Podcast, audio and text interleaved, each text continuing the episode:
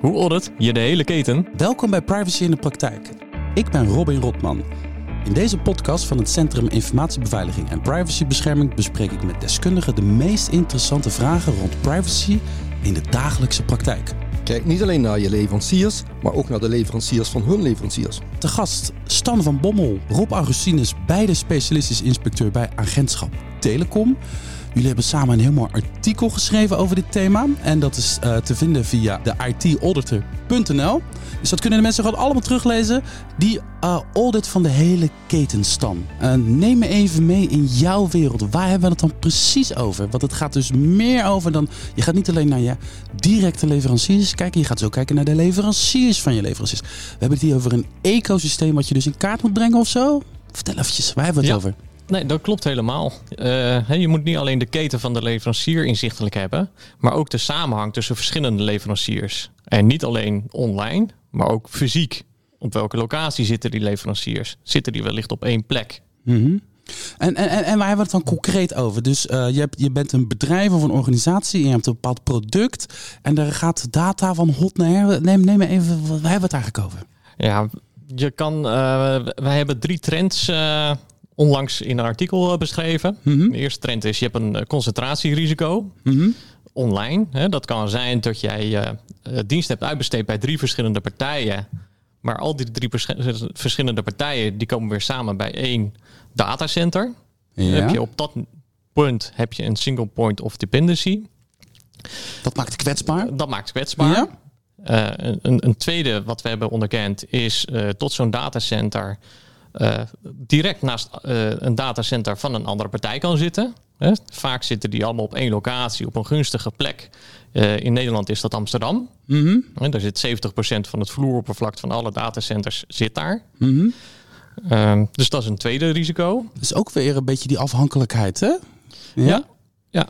En drie, kon je drie dingen noemen? Wat is de derde? De derde is, nou, hoe meer je uitbesteedt, hoe meer aanvalsoppervlakte je, oppervlakte je hebt. Als je, eh, je al, alles on-premise hebt, alles binnen één bedrijf, dan weet je door welke deur een aanvaller kan komen. Maar als jij verschillende leveranciers hebt, die ook weer gebruik maken van verschillende leveranciers, dan heb je een veelvoud aan deuren. En jullie werken veel samen, hè Rob? Ja. Wat is dan jullie rolverdeling? Hoe zitten jullie? Jullie komen samen binnen ergens. En wat doet Stan dan, Rob? Wat, Ja. eh, wat is hij zijn taak? Ehm, Stan is eh, IT-auditor.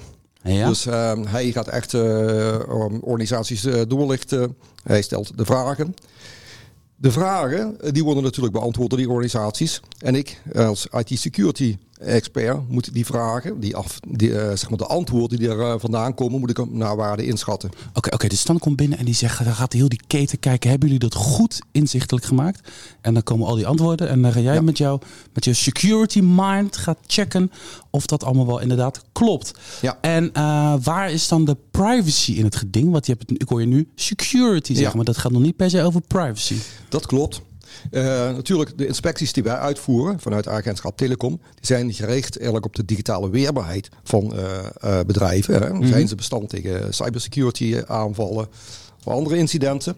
Maar cybersecurity is eigenlijk een basisvoorwaarde voor je privacy. Als jouw cybersecurity niet op orde is, dan zijn ook je persoonlijke gegevens, hè, je personal data, is ook niet beschermd. Dus het een kan niet zonder het ander. Oké, dus eigenlijk eh, privacy en security zijn onlosmakelijk met elkaar verbonden. En als je, als je security eh, niet goed geregeld is, is eigenlijk de privacy het eerste wat sneuvelt. Precies. En eh, als je het dan hebt over die keten, dan eh, wat, wat gaat er dan vaak fout, Stan? Want mensen denken misschien van, nou, ik, ik, ik, heb, ik heb mijn eigen spulletjes op orde. Ik weet waar mijn data staat. Ik weet welke servers, ik weet welke partijen, ook misschien wel zelfs wel in welke landen ze zitten. Hè? Ehm, maar is er dan een soort van naïviteit van, nee, je hebt ook een verantwoordelijk om te kijken waar jouw partners, al jouw leveranciers, waar zij hun spulletjes. Is dat ook een soort, is dat een beetje de naïviteit nog een beetje? Ja, wat, wat, wat wij wel in de praktijk zien is, is dat eh, partijen een contract afsluiten met een leverancier. Mhm. Eh, dan vaak nog wel ook een eh assuranceverklaring van die leverancier periodiek beoordelen. En eh, daarmee denken ze tot ze in control zijn. Eh, echter, dan ben je er nog niet. Want je moet ook eens een keer die leveranciers naast elkaar zetten. En welke onderlinge afhankelijkheden zijn er? En uh, vaak gaan die verklaringen alleen over de online risico's en niet over de fysieke locaties waar zo'n partij zit. Ah, dus, dus, dus er is ook een soort fysieke component ook nog eens een keertje daarbij. Bij, die, bij die keten, bij die audit van die hele keten. Ja, zoals je net al zei, je moet het hele ecosysteem uh, inzichtelijk hebben. Oké, en er waren dus een paar, uh, paar concrete gevaren. Hè? Je noemde die concentratierisico's vanwege de rol van de, van de leveranciers eigenlijk. Hè? Je hebt de concentraties in bepaalde locaties. Hè? Je noemde bijvoorbeeld Amsterdam, al die datacenten staan. En je hebt door die uitbesteding wordt je aanvalsoppervlak, of, je, of eigenlijk het oppervlak wat je moet verdedigen, mhm. wordt groter. Als we nou bijvoorbeeld even een concrete casus pakken, Rob. Mm uh, en laten we nou bijvoorbeeld, nou, neem, nou, neem, neem nou dat aanvalsoppervlak. Dat vind ik een heel, dat, dat spreekt tot de verbeelding. Geef, geef eens een voorbeeld hoe dat dan in de, in, in de praktijk werkt. Nou, Um, aanvalsoppervlak kun je best eigenlijk illustreren met een, uh, een voorbeeldje van een uh, recente kwetsbaarheid. Uh, mm -hmm. Dit was eind vorig jaar. Dat heette Log4j. Dat is een stukje software om gebeurtenissen te loggen. Mm -hmm. Het, ehm, de aanval die bestond eigenlijk uit dat bijvoorbeeld een, een aanvaller een bepaalde uh, bijvoorbeeld bij een webserver bepaald uh, pagina kon opvragen die bijvoorbeeld niet bestaat. En dan gaat dat stukje software, log4j, gaat loggen van hey, er wordt een pagina opgevraagd die, uh, die niet bestaat. Nou, mm -hmm. Als die aanvaller dan nog een specifiek iets gaat uh, doen, een specifiek request naar een webserver zoals dat heet, dan kan je daarmee een, uh, in, een stukje code inzetten wat gebruik maakt van die kwetsbaarheid in log4j.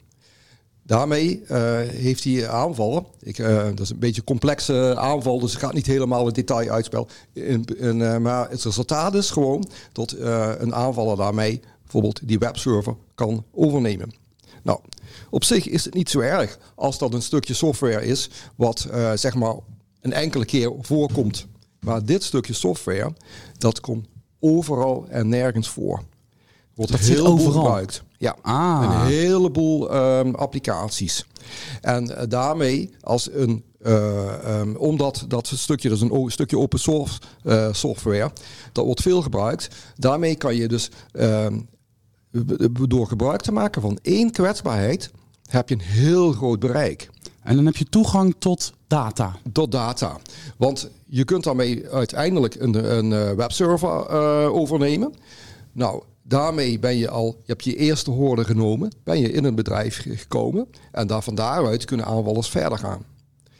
En uh, dit is dus het, uh, het, het, grote probleem met dat stukje software was dat niemand zich realiseerde dat het zoveel voorkwam. En dat zit dus overal, want je had het over dat aanvalsoppervlak. Ja. Hè? Dus dat zit uh, bij, misschien bij mij, dat ja. zit bij de leverancier. Dat zit dus bij de leverancier van de leverancier. En dat zit dus overal. En zo heb je dus een, een groot exact. potentieel aanvals, ja. grote kwetsbaarheid. Ja, precies. En, en dat die data misschien op straat komt te liggen, overgenomen wordt. Zeker. Ransomware misschien. Ja. Uh, ransomware ook. Het biedt heel veel mogelijkheden. Als dat, uh, het het uh, biedt in ieder geval aan aanvallers al een eerste gelegenheid om binnen te komen. Ah, alright. Oké, okay, dat is zeg maar een, het aanvalsoppervlak. Heb je, heb, heb je nog een casus? Dit is spannend natuurlijk. Ja. Nou, een andere casus die we ook in ons artikel hebben aangehaald is bijvoorbeeld um, Mimecast kwetsbaarheid. Nou, uh, Mimecast is eigenlijk een bedrijf dat uh, uh, beveiliging doet, bijvoorbeeld van e-mail, van, ook van backups maken ze en dergelijke. En Mimecast heeft ook een service die wordt gebruikt door Microsoft Office 365 gebruikers. Nou, en um, wat je eigenlijk ziet is dat je relatie hebt tussen Mimecast en een hele grote techreus zoals um, Microsoft. Nou, door die uh, kwetsbaarheid konden, uh, uh, konden aanvallers uh, Microsoft Office 365 accounts overnemen.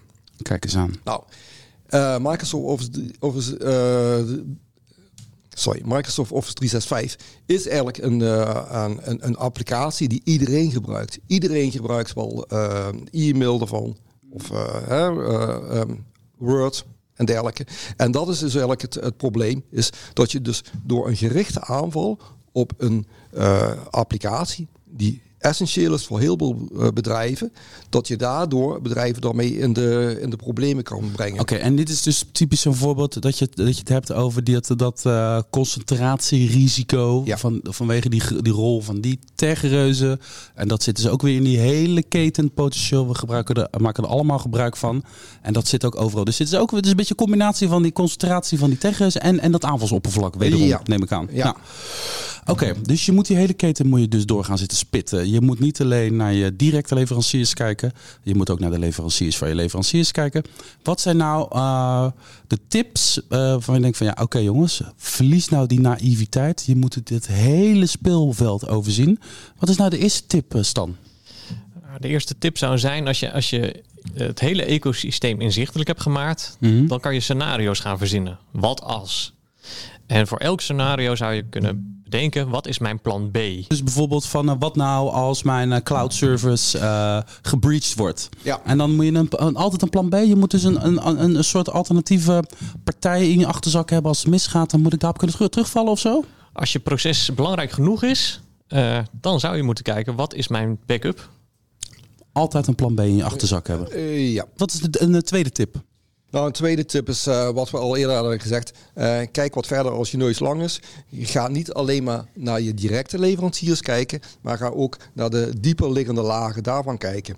Zijn er misschien afhankelijkheden die je niet eh, vermoedt? Een voorbeeldje is net, grote techreuzen zoals Amazon Web Services en dergelijke. Dat is het fundament voor veel andere clouddiensten. Het kan dus zijn dat je misschien drie verschillende cloudleveranciers hebt maar die allemaal gebruik maken van bijvoorbeeld Microsoft Azure of eh, Amazon Web Services. Alle drie. Jij denkt, ik heb mijn risico's gespreid. Maar stel dat eh, Amazon Web Services eruit vliegt, dan heb je ineens drie cloudleveranciers die daar hun diensten op draaien. Die vliegen er ook uit. En hoe is dan mijn privacy hier in het geding?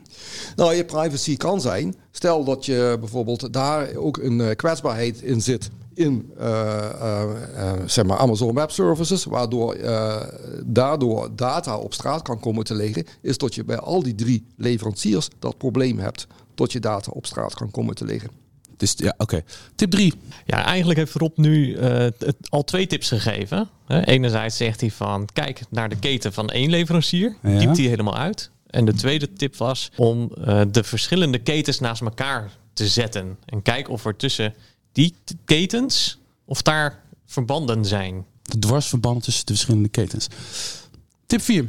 Ja, Ehm, fysieke ehm, locaties van waar je diensten staan. Dat is eigenlijk eh, vaak iets wat eh, mensen over het hoofd zien. En dat is ook het, eh, het, het verhaal wat wij eh, ehm, vertellen in ons artikel over concentratierisico's. Kijk, ehm, je kunt verschillende leveranciers hebben, maar die leveranciers die moeten ergens fysiek hè, hun servers hebben staan, waarvan, waaruit ze hun diensten aanbieden. Eh, nou, vaak willen ehm, zeg maar leveranciers toch een local presence hebben, zo kort mogelijk bij. Nou, dan staan ze bijvoorbeeld in Amsterdam. Ja, hè, we, hebben net al aangehaald tot eh, de grootste concentratie van datacenters hier in de Amsterdam-Schiphol-regio is. Nou, wat je eigenlijk, eh, eh, je hebt dus eigenlijk, kan dus een heel groot probleem hebben als daar bijvoorbeeld overstroming komt of eh, weet wat van ramp is.